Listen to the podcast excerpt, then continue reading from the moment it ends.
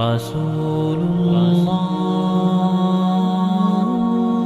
رسول الله طال بي الحنين.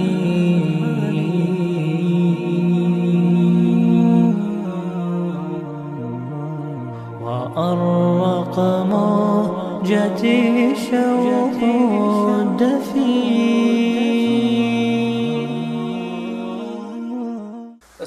alaikum wa rahmatullahi wa barakatuh. Svaka zahvala pripada Allahu uzvišenom, salavati salame donosimo na njegovog poslanika, miljenika Muhammeda sallallahu alaihi wa sallam, na njegovu častnu porodicu, na njegove ashabe i na sve one koji ga slijede od sudnjeg dana. Molim Allah Želešanuhu da naše srce očisti od licemjerstva i pretvaranja, da u njega ulije iskrenost i ljubav prema svakom hajru. Molim Allah Želešanuhu da nam pokaže istinu istinom i da nam olakša slijedjenje, a da nam zabudu pokaže zabudom i da nam oteža put prema tome. Molim Allah Želešanuhu da nas poduči onome što nam koristi i da nam dadne koristi u onome čemu nas je podučio. Ova tema koju smo odabrali, odnosno ciklus predavanja, prepreke na putu, jesu u stvari prepreke koje stoje na putu našeg srca ka Allahu Želešanu.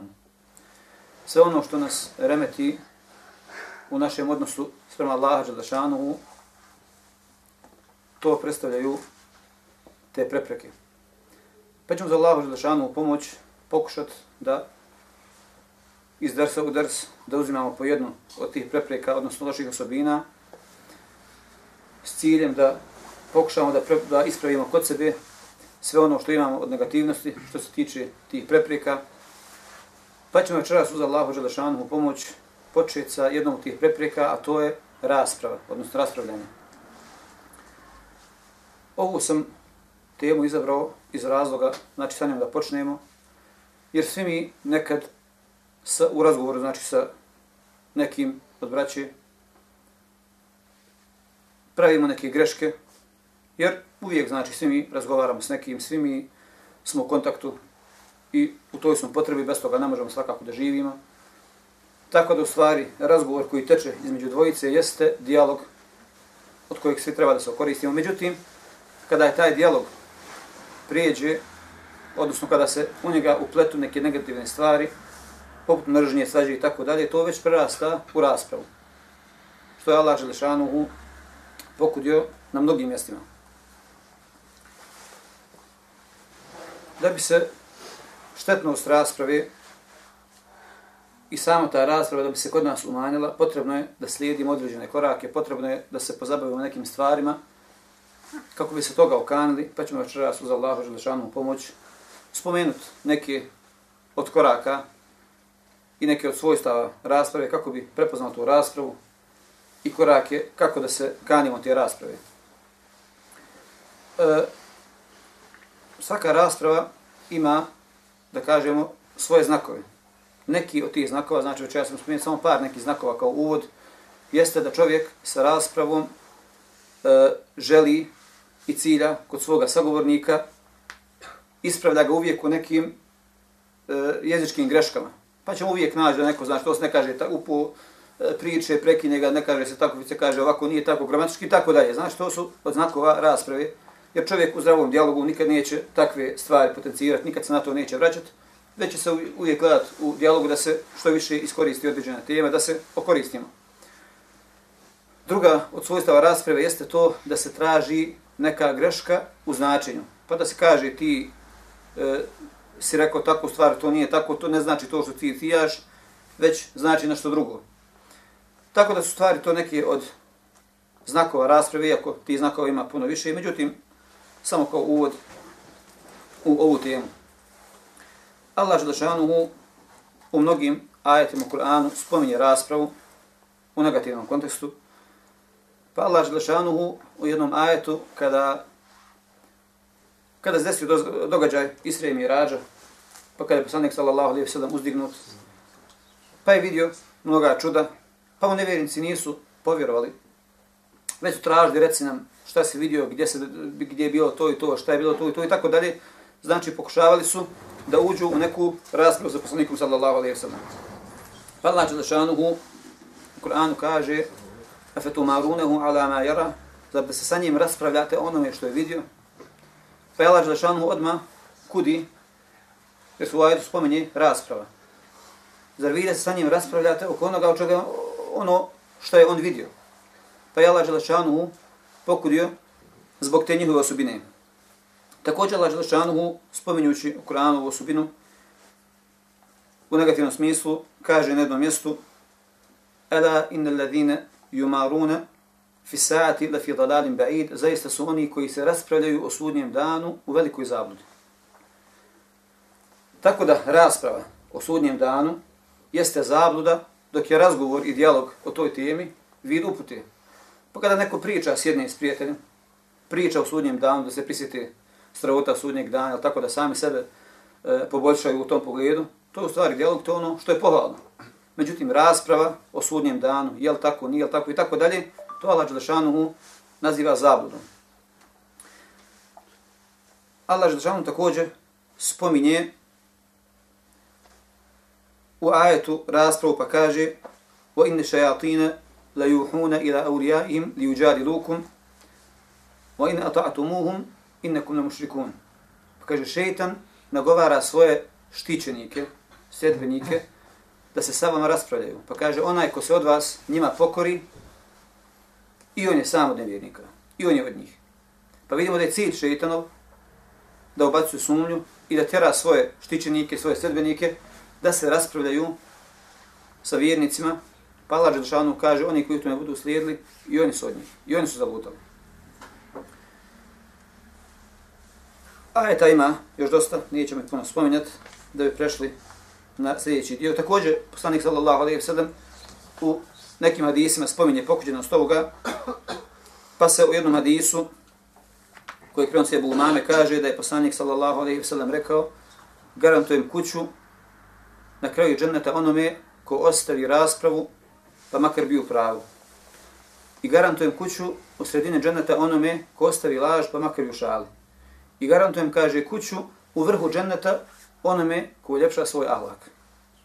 Pa vidimo, prvo je poslanik sallallahu alaihi ve sellem naveo, onaj ko ostavi raspravu, pa makar bio pravu.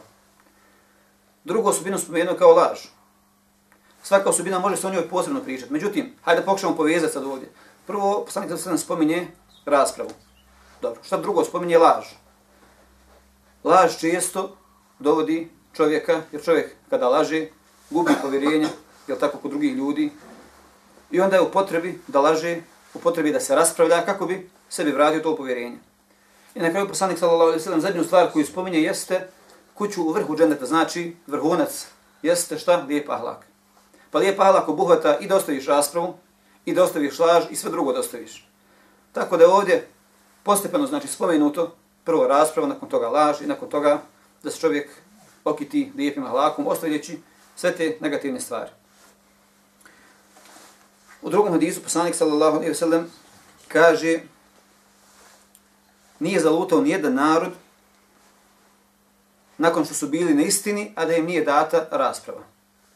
Pa je ovdje svojstvo njihove zablude rasprava. Znači, zbog svoje zablude dobili su raspravu. Pa je rasprava produkt zablude i to nam dovoljno govori o štetnosti zablude, o štetnosti rasprave i kao dokaz da ta rasprava ljude vodi u zabludu. Da se laža zašanom sačuva. Dobro, pošto smo znači vidjeli opasnost zablude, kako Allah Đelešanu kudi, kako je kudi njegov poslanik, sallallahu alaihi wa sallam, logično je pitanje na koji način ćemo prepoznati tu zabludu, koje su, odnosno tu raspravu, koje su subine te rasprave, na koji način ćemo da se okanimo te negativne osobine. Pa prvi razlog zbog kojeg se pojavljuje rasprava jeste da čovjek ne poznaje i ne pridržava se etike savjetovanja.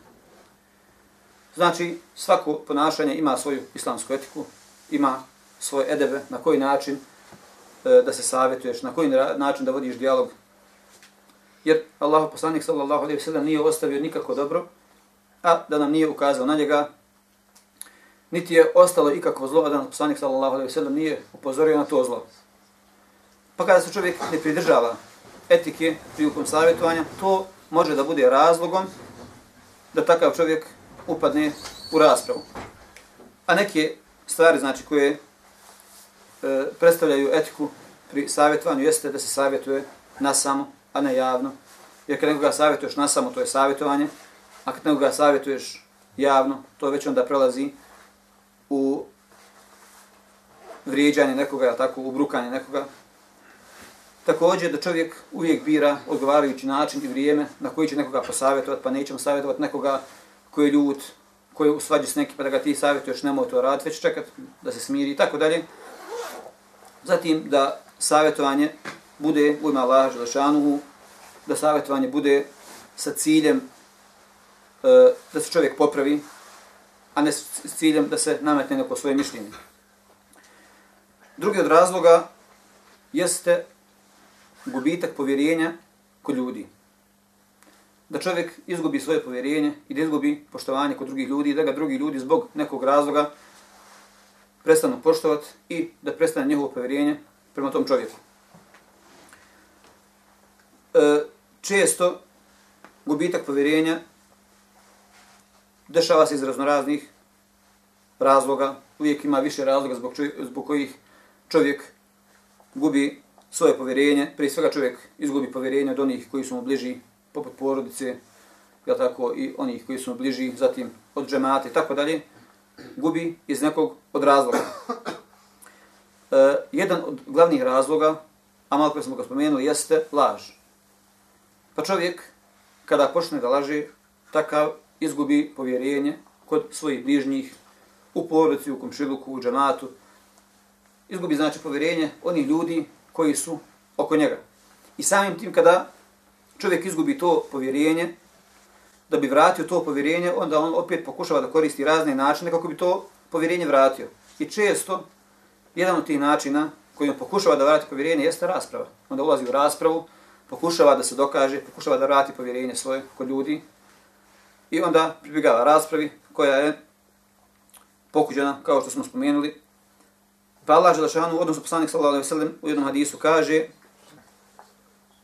postičući znači na iskrenost i upozoravajući na laž, pa kaže govorite istinu, jer zaista istan, istina vodi ka dobročinstvu, a zaista dobročinstvo vodi u džennet. I nije će čovjek prestati govoriti istinu sve dok kod Allaha Đelešanu ne bude upisan kao iskren, istin ljubiv.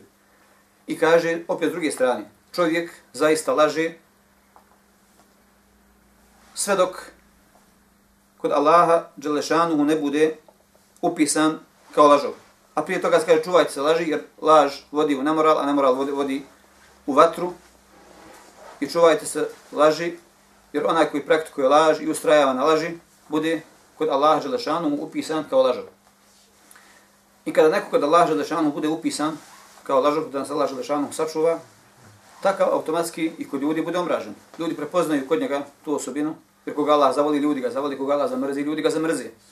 I samim tim čovjek koji praktikuje laž, drugi osjete to na njemu i automatski više prema tom čovjeku nemaju niti povjerenja, niti poštovanja.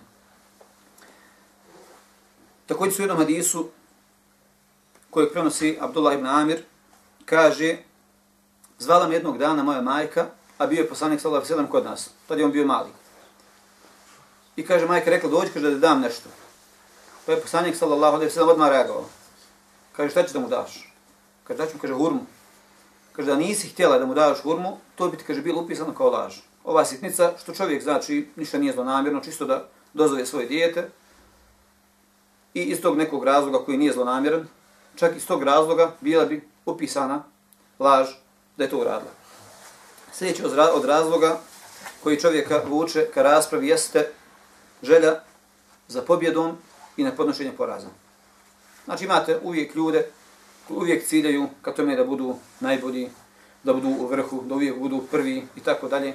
Ne podnose poraz, ne voli da ih neko nadvlada. I ti ljudi često koriste, znači kada osjete da ta njihov, da kažem, autoritet ili da to njihovo što su oni uvijek na vrhu i što žele da bude na vrhu, kada osjete da to počne da opada, onda oni koriste raznorazne načine, metode, ne bi se opet nekako popeli na vrh, ne bi opet nekako se pred ljudima prikazali kao da su oni uvijek tu i glavni, da su oni uvijek u nekom centru, je tako? Pa često ljudi, kada osjete da se gube, opet pribjegavaju raznim stvarima, a ako neko želi da se prikaže onakav kakav nije, to je u stvari od nepravednosti. Pa Allah Đelešanuhu nama naređuje na mnogim mjestima da budemo pravedni, da budemo pravični. Pa Allah Đelešanuhu u jednom ajetu kaže Ja i uheladina amanu kunu qawamin kunu qawamina lillahi šuhada bil qist ovi koji vjerujete činite ibadet Allahu Đelešanuhu iskreno i, istin, i, i iskreno svjedočite. Ispravno svjedočite, nemojte se doći. Pa kaže u nastavku, وَلَا يَجْمَنَّكُمْ شَنَآنُ قَوْمٍ عَلَا أَلَّا تَعْدِلُوا Nemoj da vas mržne prema nekim ljudima natjera na to da ne budete pravedni. I edilu, budite pravedni. Ko akra bude tako, a to je bliže bogobojaznosti. Pa nas Allah Želešanu ovdje upozorava, iako neka čovjek zbog svoje mržnje prema nekome, jel tako, ima potrebu da malo ide desno lijevo, ne bi sebe nešto pokazao, i u toj situaciji čovjek ne bude pravedan, Pa Allah Želešanu i protiv toga kaže budite opet pravedni. Jer je to kada Allah Želešanu bolje i to je bliže bogobojaznosti. Također u jednom hadisu od Amara ibn Jasira se kaže ko ostavi tri stvari, takav je kompletirao svoj iman. Pa kaže, odnosno ko, e, ko sastavi tri stvari kod sebe, takav je kompletirao svoj iman. Pa kaže, ko je pravedan, pa makar i na svoju štetu. Znači da budeš prevedan, pa makar ta pravda tebi štetila. Zatim druga stvar, nazivanje selama svijetu. Da nazoveš selam i onome koga poznaješ i onome koga ne poznaješ. I treća stvar, da udjeljuješ iako si sam potreban. Pa je prvu stvar koju je navio poslanik sallallahu alaihi wasallam jeste da budeš prevedan, pa makar to bilo i na tvoju štetu. Jer čovjek uvijek mora da bude prevedan i da sam sebi dadne ono mjesto koje mu pripada. Pa ako nisi najbolji, nemoj koristiti neke druge korake da ti pokažeš kao najbolji, kao prvi, da si uvijek ti u vrhu. I to je, znači, nedostatak te pravde i pravičnosti kod čovjeka kada izgubi to mjesto, a i dalje želi da ima to mjesto, pa on pribjegava nepravdi, pa ga ta nepravda, odnosno sad da bi upotpunio to mjesto, ili biva nepravedan, ili koristi drugi način, a to je rasprava, da se on i na takav način pokaže, da pokuša da pobjedi, da pobjedi nekoga u raspravi, ali tako da se opet pokaže kao neko ko je najbolji, kao neko ko je u vrhu. Također Allah Đelešanu u jednom hadis kuciju kaže O sina Adamov, nisi pravičan. Ja sam te stvorio, a ti drugog obožavaš. Ja te hranim, a ti drugom zahvaljuješ. Pa ovdje vidimo tu pravičnost, da čovjek treba uvijek da bude i pravedan i pravičan. Da prema drugima se pravedno ponaša i da bude pravičan, realan. Da ono što mu ne pripada ne traži. Već da se zadovolji onim što mu Allah Đelešanu mu dao. Sljedeća od stvari koje čovjeka tjera na raspravu i koje bivaju uzrokom toga da čovjek često koristi tu raspravu, jeste i okruženje čovjeka. Bilo da se radi o tom užem okruženju, kao što je porodica, ili da se radi o širom okruženju, njegove prijatelji, džemat, škola i tako dalje, često to biva uzrokom da čovjek pribjegava raspravi iz razloga što čovjek često biva pod utjecajem okoline. Poprima osobine onih koji su oko njega, Pa ako vidi da su njegovoj porodici često praktikuje ta rasprava, ili ako vidi da se e, neki njegovi prijatelji često koriste raspravu, i on sam nesvjesno poprima tu osobinu i to postaje dio njega. Jer imate neke osobine koje su urođene, a imate neke osobine koje se stiču. Pa ovo je jedna od osobina koju čovjek može da stekne, družiti se sa takvim ljudima, pa da sam sebe pokvari i da to postane dio njega i onda čak i nesvjesno kada otpočne razgovor s nekim, odma isto, isto kao da ima potrebu eh, da se protiv nekoga, da mu se usprotivi, da kaže nije tako, automatski njegov mozak tako radi da pokušava da nađe nekome grešku. Pa neko nešto kaže iz dobre namere, odma ti si rekao to, e, htio da kažeš to i to, i tako dalje. Tako da društvo često zna da bude uzrokom da čovjek poprimi tu neku lošu osobinu u, u ovom slučaju, da poprimi osobinu rasprave.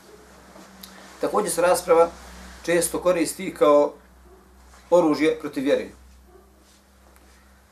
Pa ljudi, protivnici Islama, kada vide da Islam i svjetlo Islama pokušavaju da utru tamo njihove zablude, onda oni gledaju na sve moguće načine da ometaju taj Islam, da ometaju to svjetlo.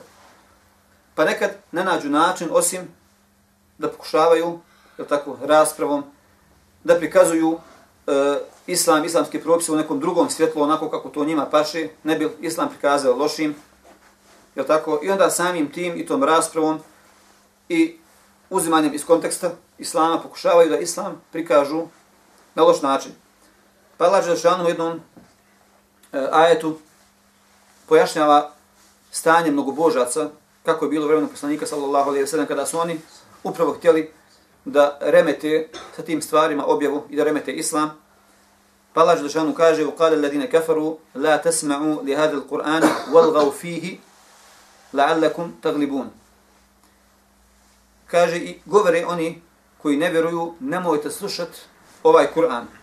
Nego kaže, pravite buku, ne, bilte ga nad, ne, ne, ne biste ga nadglasali.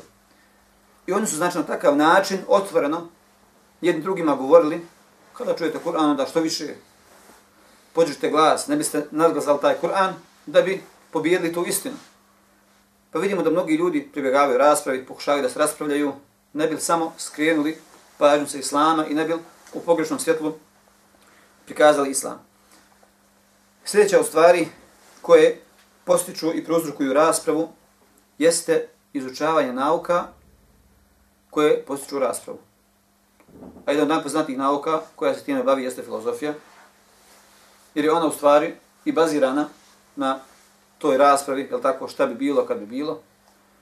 I uvijek, znači, ta nauka, time se bavi čovjek, treba da bježi od takvih nauka, posebno ako nije uzeo osnove, osnove znači svoje vjere, da dobro poznaje Kur'an, da dobro poznaje Hadisa, da dobro poznaje prije svega akidu, jer onaj koji ne poznaje svoju vjeru, osnove svoje vjere, takav će vrlo lako biti klijent te filozofije i tih nauka koje se često baziraju na raspravi. Neki učenjaci navode propis, znači izučavanja filozofije, dozvoljeno, nije dozvoljeno. Pa neki smatraju da je dozvoljeno, iako je to mišljenje kod većine učenjaka odbačeno, uopšteno. Imate opet s druge strane oni koji smatraju da je zabranjeno uopšteno i to je mišljenje daleko. Međutim, imam neovi, Allah se smilo, uh, e, iznio je svoj stav koji je, da kažem, možda najbliži istini, jeste da izučavanje te nauke može biti dozvoljeno u slučaju da čovjek uzme osnove svoje vjere, da dobro poznaje akidu, da dobro poznaje Kur'an i sunnet, kako bi mogao sve te sumnje na kojima se bazira filozofija, da ih lahko može pobiti. E sad kad se ovdje kaže da čovjek ima jake osnove, to ne znači da je dovoljno da čovjek ide godno, godno dvije u Mekteb, da pročita par knjiga, tako, prisutuje desetak dersove, da kaže ja imam osnove, ja mogu shvatiti ono što je zabluda, da uzeti ono što je istina. Znači nije situacija takva, je čovjek dobro mora da uđe u dubine e, akajskih nauka, da se dobro pozabavi i drugim sektama, da shvati u detalje šta je istina, da mu ne može ničim neko prići i poremetiti njegovu istinu u srcu. E, sljedeća od stvari koje prozrukuju raspravu jeste samodopadljivost, oholost i umišljenost. Pa kada čovjek kod sebe vidi tu oholost, samodopadljivost i kad se umisli da je on uvijek glavni, je tako, i da želi da to i dalje kod sebe drži, takav zbog svoje oholosti u nikakvom razgovoru neće moći priznat neku svoju grešku. Već ako se desi neka greška, a svi smo podložni greškama, ako se desi greška, on će pokušati da tu grešku nekako preokrene i onda će otvoriti raspravu, ne bi sebe odbranio. Tako da u toj situaciji, u tom slučaju, oholost čovjeka brani da prizna grešku. Ta samodopadljivost čovjek misli ja pa ja i niko drugi. Zbog toga čovjek često može da upadne u grešku i da se raspravlja bez dokaza. Prvi slučaj koji je zabilježen kad je u pitanju znači rasprava iz oholosti jeste slučaj sa Iblisom prokletim kad Mala Đelešanuhu naredio melekima i njemu da učine saždo Adamu. Pa su svi učinili, Iblis je odbio. Pa je Allah Đelešanu pitao zašto nisi učinio seždu onome što sam ja stvorio sa svoje dvije ruke, pa kaže Ibli zato što sam ja bolji od njega, mene si od vatre stvorio, a njega si od zemlje stvorio. I ovdje Allah Đelešanu kada mu je postavio pitanje, Iblis se uzoholio i otvorio raspravu. Jer rasprava, kad ti automatski želiš neki odgovor, iako tvoj odgovor nema neke logike, a jednostavno koristiš se bilo kojim sredstvima, ne bi samo sebe odbranio, ne bi svoj ponos sačuvao. Pa Iblis, prokleti zbog oholosti i umišljenosti, Allahu Đelešanuhu odgovorio i otvorio tu raspravu, pa ga Allah Đelešanuhu prokleo i zauvijek udalio od svoje milosti. Predzadnja tačka koja predstavlja razlog rasprave jeste da čovjek nema neki plan program kojim će ispuniti svoje vrijeme i gdje će usmjeriti svoju energiju. Pa onaj koji ne zna gdje će da usmjeri svoju energiju, nešto drugo će naći da njega obuzme i da ga zauzme, pa takav čovjek često u tom nekom svom slobodnom vremenu kad ne zna šta da radi, pribigne raspravi, pa onda počne otvarati raznorazne teme i da se o tome raspravlja. Zato na svakom od nas jeste da se trudi da svoje slobodno vrijeme iskoristi u nečemu što mu koristi, jer čovjek kada bi uzimao iz ove vjere primjere, mogao bi čovjek da upotpuni čitavo svoje vrijeme, bilo e, učenjem Kur'ana, bilo zikrovima, bilo nekim drugim korisnim stvarima koje su nam preporučene, čovjek bi uvijek našao da upotpuni svo svoje vrijeme i ne bi našao vrijeme za gubiti.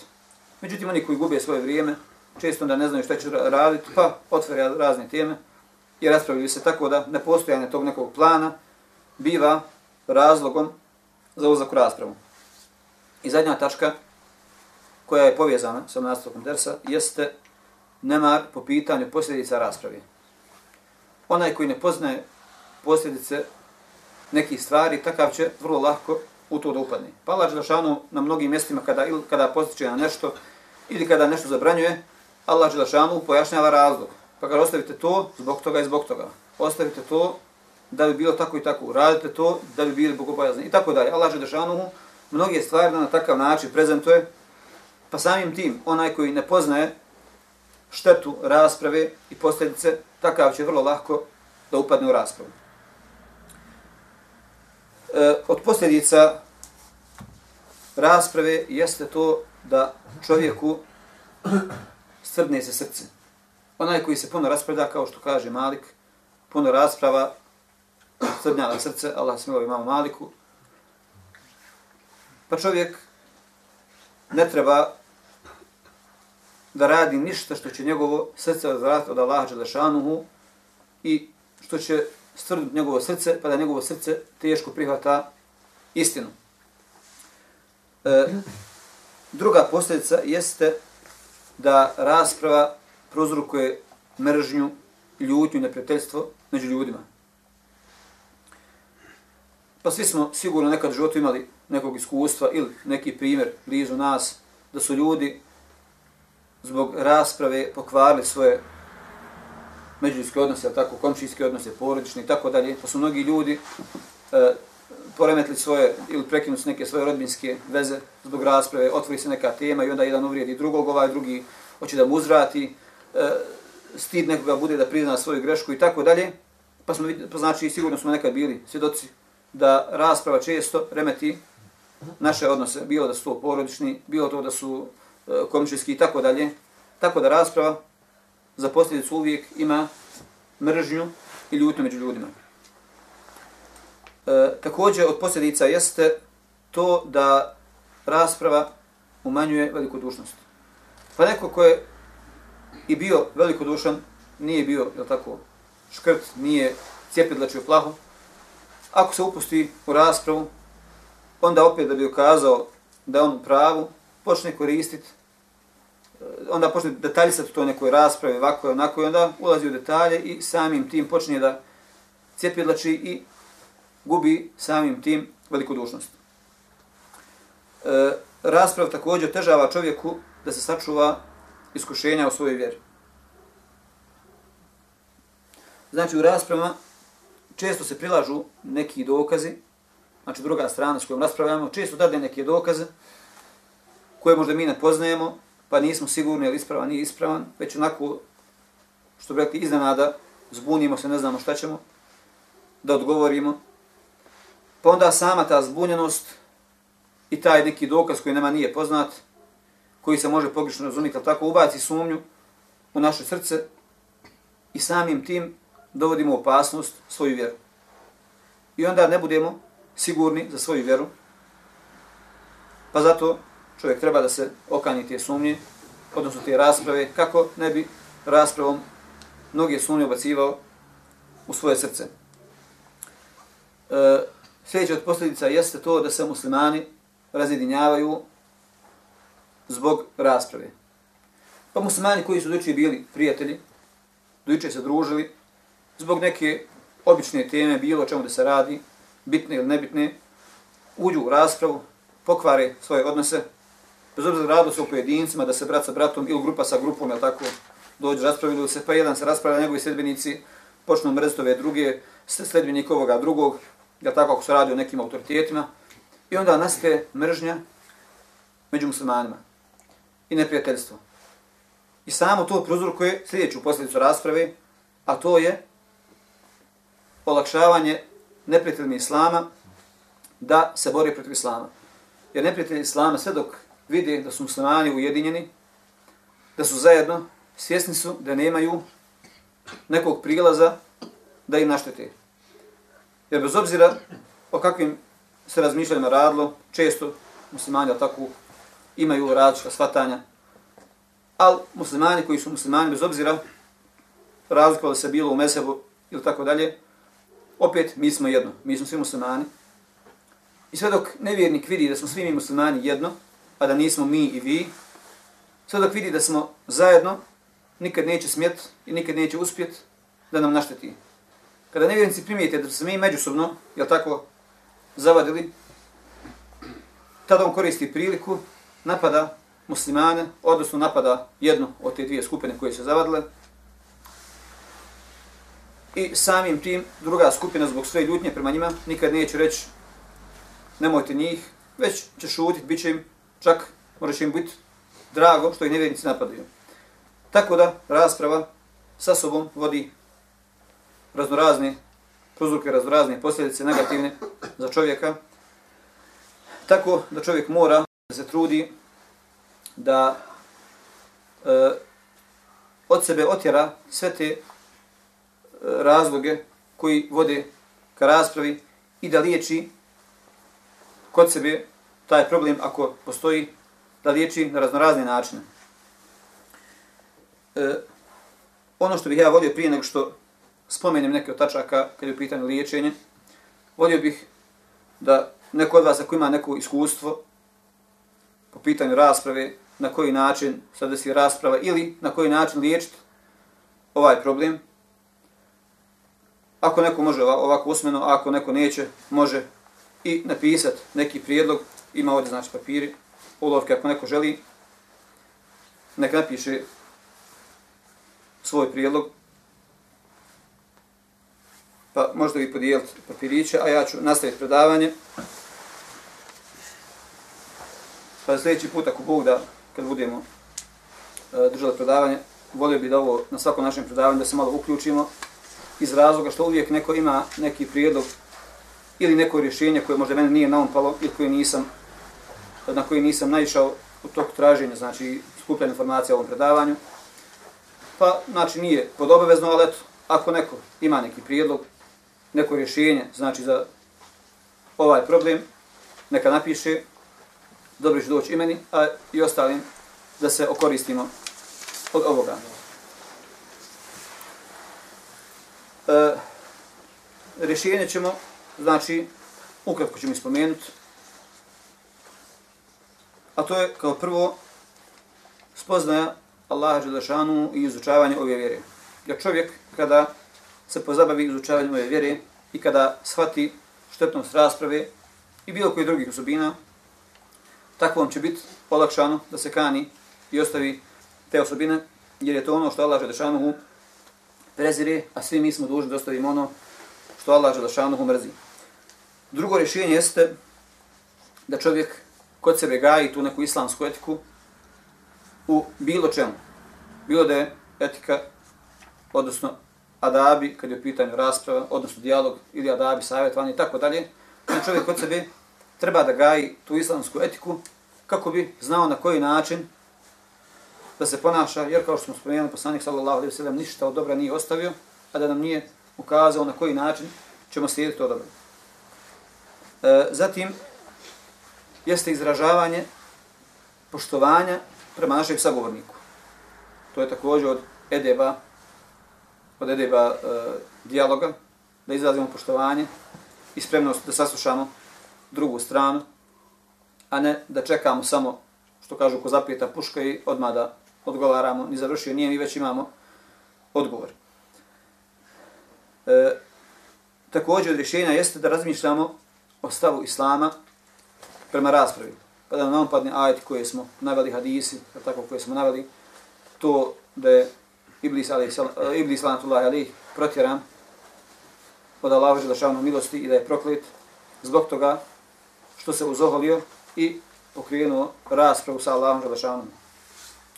Zatim, od rješenja jeste da čovjek sebi bira zdravo okruženje za život. Pa onako u stanju, ako živi u e, bolesnom okruženju, nezdravom okruženju koje je štetno za njega, ako u stanju da ga promijeni, neka promijeni, ako nije u stanju da promijeni, onda je čovjek dužan koliko toliko, znači koliko god je u stanju da mijenja oko sebe, neka mijenja. Potom niko od nas ne može napraviti neko čudio tako pa podma da promijeni sve, već čovjek krene od sebe, prije svega sebe da popravi, sebe da preodgoji, da vidi gdje griješi tako, pa onda svoju porodicu i onda to samo ide, samo se širi. Zatim, od rješenja jeste ispravno savjetovanje. Da savjetujemo na ispravan način, koji istiječi, kao smo već rekli, adabe pri savjetovanju, i kada savjetujemo nekoga, da ga ne vrijeđamo, da nađemo odgovarajuće vrijeme i mjesto, je tako, da onaj koji se često raspravlja, da mu dadnemo savjet uz e, navođenje primjera, je tako, ono što šteti, ono što koristi, navedemo znači te primjere, i na takav način savjetujemo onoga ko često pribjegava raspravi, ne bil se toga okanio. Također rješenja jeste da se roditelji, pošto se često dešavaju je tako, neke nesuglase među bračnim parovima, da se oni e, su, suzdrže te neke rasprave pred svojim djecom. Jer ne postoji brak koji je savršen, uvijek tu budu nekih, je tako, nesuglasica, često onda te se to onda često prerasta u raspravu.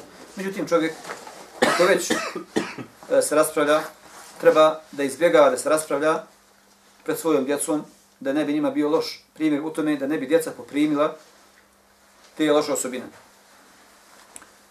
Također jeste e, od rješenja da čovjek odgaja svoju dušu, da je preodgoji, da ne bude ohol, da izbaci od sebe samodopadljivost ako je ima, ako je umišljen i to i protiv toga da se bori. Znači jednostavno čovjek uvijek treba da se bori sam sa sobom, kao što Allah kaže, ledine džahedu fina le nehdijennehum one koji se u naše ime borije, povodi u ovu borbu čak ulazi, je tako i borba sam, sa samim sobom, borba protiv šeitana koji je naš najveći neprijatelj. Pa čovjek treba da se bori, da prodgaja svoju dušu, da je postiče na djela koja je očiste, je tako da približe Allahu Želešanuhu. Zatim od razloga, odnosno od stvari koje će nam pomoći da se kanimo rasprave jeste udaljavanje od filozofiranja i od drugih stvari koje vode raspravi. Zatim, da iskoristimo slobodno vrijeme u ono što je korisno, a ne da gubimo vrijeme e, u nekim stvarima koje sa sobom mogu da povuku i raspravu, pa da nemamo šta da radimo, hajmo svaki dan slobodno vrijeme, hajmo sad svaki dan na kahvu i onda samim ti možemo, ja tako, pruzrokovati tu neku raspravu sa svojim sagovornikom. Zatim, čovjek treba da trenira sam sebi svoju dušu, da bude u stanju da prihvati e, grešku. Odnosno, ako čovjek pogriješi, da prizna tu svoju grešku. Jer neki misle da je slabost ako priznaš svoju grešku. To je u stvari od jačine i ta osobina je jedna od najboljih osobina, čak što više ta osobina predstavlja hrabrost, a ne kukavičluk. Jer neki ljudi misle, ako kažeš, evo, pogriješio sam, priznajem, misle da si kukavica ili da si, da kažem, niži. Ne, ta osobina je od osobina velikana, onaj ko pogriješi, da prizna da je pogriješio. Tako da čovjek bi trebao da trenira i odgaja svoju dušu, da bude u stanju, da prizna grešku. Također, od glavnih stvari koje nam pomažu da se okanimo e, rasprave jeste traženje pomoći od Allaha Đelešanu. Jer čovjek dovom može postići ono što ne može postići sa puno svog truda.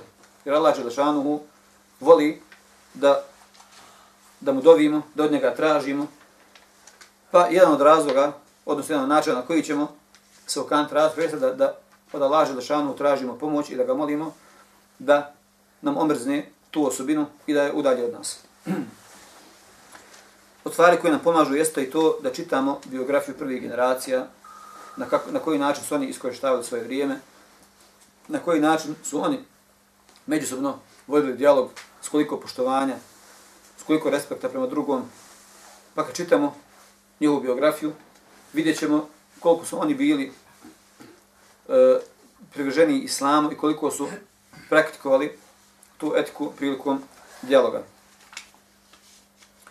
I zadnju stvar, znači koju ćemo navesti kao stvar koja nam pomaže, jeste da kada s nekim vodimo dijalog ili se raspravljamo, uvijek moramo biti svjesni da ono što mi vidimo kao ispravno, da ostavimo malu mogućnost da smo i mi pogriješni. Jer može biti da mi nismo pravo. Ako uđeš u raspravu oko neke teme s nekim, ako ti je cilj da ti dokažeš da si ti u pravu i gotovo, znači sve ću koristiti, to je već rasprava. Ali imaš ti svoj stav, znači ubiđen si da si u pravu. Međutim, ostavi malu mogućnost da se pogriješio. Jer možda zaista jesi pogriješio. Ne možemo uvijek mi biti u pravu. Tako da, da čovjek na taj način treba sebe da istrenira, da bude svjestan i dostavi tu neku mogućnost da čovjek nije u pravu. Jer može zaista sagovornik iznijeti neke jače dokaze i može nam zaista pojasniti. Možda ćemo tek onda u razgovoru s nekim shvatiti da nismo bili pravu.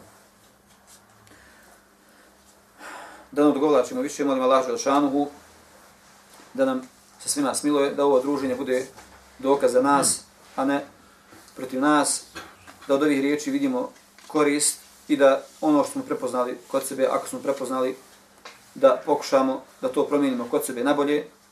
Allah Želšanuhu je taj koji nam pomaže.